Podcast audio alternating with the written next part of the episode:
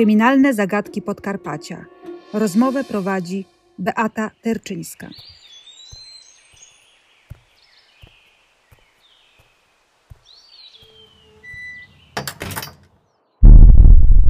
W cyklu Kryminalne zagadki Podkarpacia z profesorem Czesławem Kłakiem, polskim prawnikiem i sędzią Trybunału Stanu, rozmawiamy dziś o morderstwie, do którego doszło w Ostrowie Kołorobczyc w październiku 2013 roku. Znaleziono wówczas dwa ciała 81-letniej matki i 60-letniego syna. Kto zabił? Jaki miał motyw? Czy była to zemsta po latach, a może wielka tragedia rodzinna? I wreszcie, czy strach może popchnąć człowieka do tak wielkich okrucieństw? Zapraszamy do wysłuchania naszego nagrania. Niewielkie gospodarstwo położone na obrzeżu wsi, blisko lasu. Zięć zastaje w domu makabryczny widok. Swoją teściową, leżącą w łóżku, nieżywą, dookoła pełno krwi na pościeli, na ścianie. To nie koniec tragedii tego dnia. No, e, sam widok jest przerażający. I jeżeli dochodzi do zabójstwa, to my jesteśmy taką w takiej wychowaniu, w takiej kulturze, że musi być dużo krwi, musi być taka sceneria drastyczna, bo jesteśmy wychowani na filmach amerykańskich, ale tak generalnie statystycznie nie jest. E, to nieczęsty widok, że mamy do czynienia ze zwłokami znajdującymi się w takim stanie, a okoliczności wskazują na to, że sprawca zadał ofierze wiele ciosów, mógł nawet różnymi narzędziami, a więc umierała w cierpieniach. To nie jest typowy, e, to nie jest typowy obraz, ale z drugiej strony trzeba zdawać sobie sprawę z tego, że generalnie zabójstwo samo w sobie jest już bardzo drastyczne. Tu mieliśmy do czynienia z takim nagromadzeniem tego zła, które stało się przyczyną zabójstwa, ale to też może wskazywać na to, że zabójstwo miało e, tło emocjonalne jeżeli zwłoki znajdują się właśnie w takim stanie, to najczęściej sprawcą jest osoba najbliższa, a w tle są emocje związane z wzajemną relacją tych dwóch osób. To e, bardzo rzadko się zdarza, że osoba całkowicie postronna, nieznająca ofiary, dopuszcza się zbrodni w taki sposób. Na tej samej posesji, w domu obok, kolejny makabryczny widok. 60-letni syn Heleny, czyli 81-letniej y, kobiety, również nie żyje. Dookoła pełno y, opakowań po lekarstwach. Czy można było wiązać y, obie te śmierci?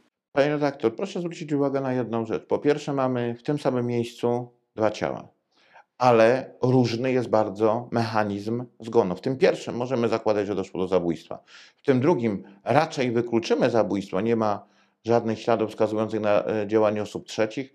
Mamy wokół środ czy opakowania po środkach, które mogą wskazywać na to, że ta osoba e, po prostu chciała zakończyć własne życie, a wybrała sposób, który jej zdaniem e, gwarantował pewność efektu, czyli zażycie znacznej ilości środków, środków nasennych, przeciwbólowych, bo różne tam się znajdowało, ale to nie jest przypadek, że mamy bliski odstęp przestrzenny, osoby znajdujące się w bliskiej relacji emocjonalnej e, i jednocześnie w tym pierwszym przypadku mamy do czynienia z takim, a nie innym stanem zwłok, a w tym drugim sprawca w, który mógł dopuścić się tej pierwszej zbrodni, e, odbiera sobie życie. To nawet można powiedzieć, że wygląda modelowo. Sprawca nie wytrzymał napięcia związanego z tym, e, do czego doszło, co uczynił i zakończył własne życie. Chociaż sąsiedzi mówili, taka cicha, spokojna rodzina, ten 60-letni, 60-letni mężczyzna nie pił, nie palił, nie był agresywny, chorował, miał problemy ze wzrokiem i prawdopodobnie leczył się neurologicznie. Więc y, na początku y, nie wiązano y, z nim tej sprawy, że on jest sprawcą, prawda? No I doszukiwano tak. się jeszcze głębiej, sięgano ponad 30 lat wstecz, kiedy jego siostra, wracając wieczorem z pracy, została brutalnie zgwałcona i zamordowana. Raczej sprawcę e, tamtego, tamtej e, zbrodni sprzed lat zaczęto wiązać z tą, prawda? No, to myślę mogła być jedna z wersji, ale nie ta, em, która byłaby najbardziej wiarygodna. Proszę zwrócić uwagę na jedną rzecz. E, Po pierwsze, to, że ktoś nie nadużywa alkoholu, nie jest agresywny, wcale nie oznacza, że nie może być sprawcą zabójstwa. Po drugie, zwłoki znajdowały się w takim stanie, że jeżeli miałaby to być jakaś zemsta lub zachowanie kogoś sprzed lat, to dlaczego taki sposób zadania śmierci? Mieliśmy 81-letnią kobietę, tam nie trzeba było dużej siły, żeby pozbawić ją życia. W zasadzie mocniejsze pchnięcie, przyłożenie poduszki, y, czy też ym, położenie dłoni na szyi i po prostu uderzenie byłoby skuteczne. A tu mieliśmy do czynienia w zasadzie z mm, zachowaniem, które wskazywały na to, że ofiara przed śmiercią doznała jeszcze cierpień. To wskazuje na tło emocjonalne. E, Tak nie zachowuje się sprawca, który e, mści się za jakąś, jakieś wydarzenia e, sprzed lat. Zresztą należy zadać pytanie inne. E, w- Co spowodowałoby, jakie tło było przyczyną śmierci tego mężczyzny? Dobrze, można założyć. Wrócił do domu, zobaczył matkę znajdującą się w takim, a nie innym stanie, nie wytrzymał, pozbawił się życia. Ale to nie jest typowe zachowanie. Typowym zachowaniem takiej sytuacji jest próba ratowania, wezwanie em, pogotowia, em, pobiegnięcie po sąsiadów, lament, krzyk, a nie targnięcie się na własne życie. Raczej wtedy uruchamia się chęć pomocy, a nie odbierania sobie życia. E, Ten, kto odbierał sobie życie, musiał zdawać sobie sprawę z tego, że tamta osoba nie żyje. Skąd on to wiedział? E, W związku z tym tutaj ja raczej, e, gdybym ja pojawił się na miejscu zdarzenia, w pierwszej kolejności wyjaśniałbym relację między matką a synem, a nie sięgał do wydarzeń sprzed lat, zwłaszcza, że jak już tak mielibyśmy e, rozważać, to e, z kryminologicznego punktu widzenia sprawca zgwałcenia nie wraca po kilkudziesięciu latach po to, żeby pozbawić życia matkę swojej ofiary i e, jej brata. Po co? Przecież on, biorąc pod uwagę, że byłby to ten sprawca, nie miał żadnej relacji z tymi osobami.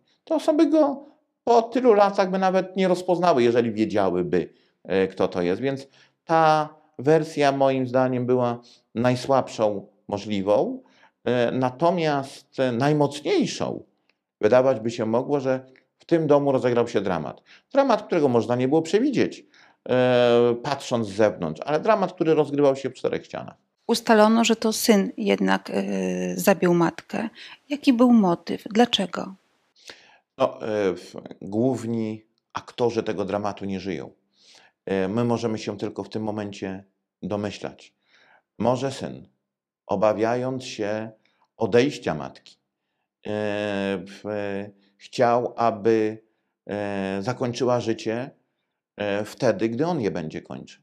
Może nie chciał zostać sam na tym świecie. Może obawiał się, że jego świat legnie w gruzach.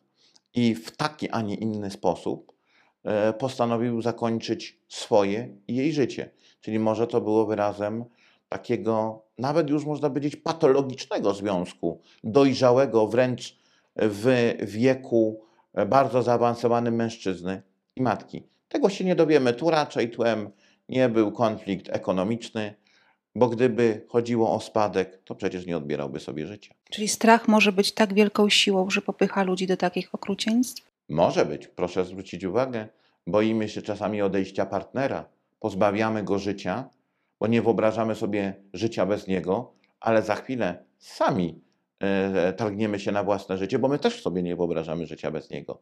Strach, przywiązanie, taka powiedziałbym patologiczna relacja charakteryzująca się przywiązaniem e, nie tylko emocjonalnym, ale także jakimś przywiązaniem sytuacyjnym, związanym z codziennością, e, brak umiejętności poradzenia sobie bez tej osoby, nawet jeżeli ona jest starsza, niedołężna e, i to my bardziej jesteśmy jej potrzebni w takim sensie życiowym niż, niż ona nam, może być motywem zabójstwa. Czyli z jednej strony ogromna miłość, a z drugiej strony lęk przed samotnością.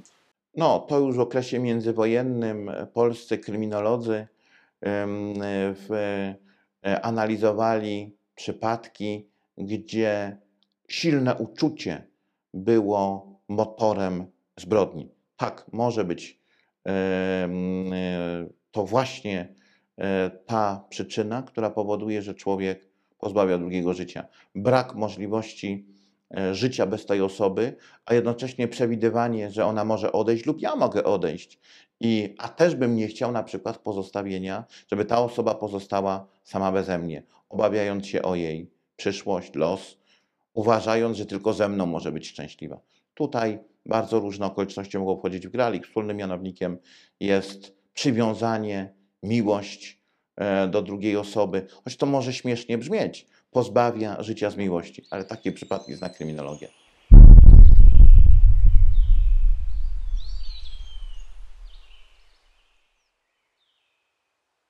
To nie koniec. Dr Arkadiusz Szajna, kierownik Laboratorium Badań Wariograficznych z Wyższej Szkoły Zarządzania Ochroną Pracy w Katowicach, wyjaśni pewne kryminalne zagadki. Odnosząc się do tej sprawy, warto pochylić się nad środkami, metodami no, właściwymi dla techniki kryminalistycznej, które mogłyby na przykład pomóc w ustaleniu, czy w danym pomieszczeniu no, domu były osoby trzecie. Zatem należałoby wspomnieć o daktyloskopii, rozumianej jako dział techniki kryminalistycznej zajmujący się identyfikacją człowieka na podstawie charakterystycznego układu linii papilarnych inaczej dermatoglifów listewek papilarnych znajdujących się na opuszkowych członach palców dłoni po ich wewnętrznej stronie. Ustalenie, że w danym pomieszczeniu ujawniono przykład odbitki pani Iksińskiej na stole nie dowodzi temu, że no, miała ona coś wspólnego ze śmiercią tych ludzi. Są one potwierdzeniem, że była w tym domu czy to pomieszczeniu, ale kiedy? W jakim czasie? W takim przypadku można by było no, spróbować zbadać chociażby wiek tego rodzaju śladów. Przy czym w kryminalistyce termin wiek śladów listewek papilarnych należy rozumieć jako okres od chwili powstania śladów e, listewek papilarnych do czasu ich ujawnienia oraz zabezpieczenia na miejscu zdarzenia. Tak więc zadaniem ekspertyzy wieku śladów listewek papilarnych jest ustalenie przypuszczalnego czasu powstania śladów będących materiałem dowodowym w sprawie. Zaś starzenie się śladów listewek papilarnych należy pojmować jako zmiany zachodzące pod wpływem czynników, np. temperatury, czy też wilgotności powietrza, zarówno w substancji potowo-tłuszczowej, jak i w samym obrazie śladów listewek papilarnych. Trzeba podkreślić, że w procesie starzenia się tego rodzaju śladów bardzo ważną rolę odgrywa również podłoże, na którym taki ślad powstał. Ekspertyzy daktyloskopijne, proszę Państwa, z zakresu ustalenia wieku śladów listewek papilarnych wymagają każdorazowo indywidualnego podejścia. Wiek takich śladów określa się przez e, przeprowadzenie eksperymentu badawczego w warunkach zbliżonych do tych, jakie panowały na miejscu zdarzenia. Ważne jest to, że ekspertyza tego rodzaju śladów stwarza możliwości wykluczenia lub potwierdzenia wersji no, dotyczącej czasu ich powstania, a tym samym możliwość uwolnienia od zarzutów lub wzmocnienia podejrzenia w stosunku do osoby, od której dane ślady pochodzą. Zatem w przypadku ujawnienia i zabezpieczenia śladów daktyloskopijnych niepochodzących od denatów, których wiek wskazywałby na to, że mogły one powstać e, w dniu zaistniałego zdarzenia, moglibyśmy stworzyć wersję kryminalistyczną co do potencjalnego udziału osób trzecich w tym zdarzeniu i ją zweryfikować, co w praktyce łatwe nie jest. ale nie jest też y, niewykonalne.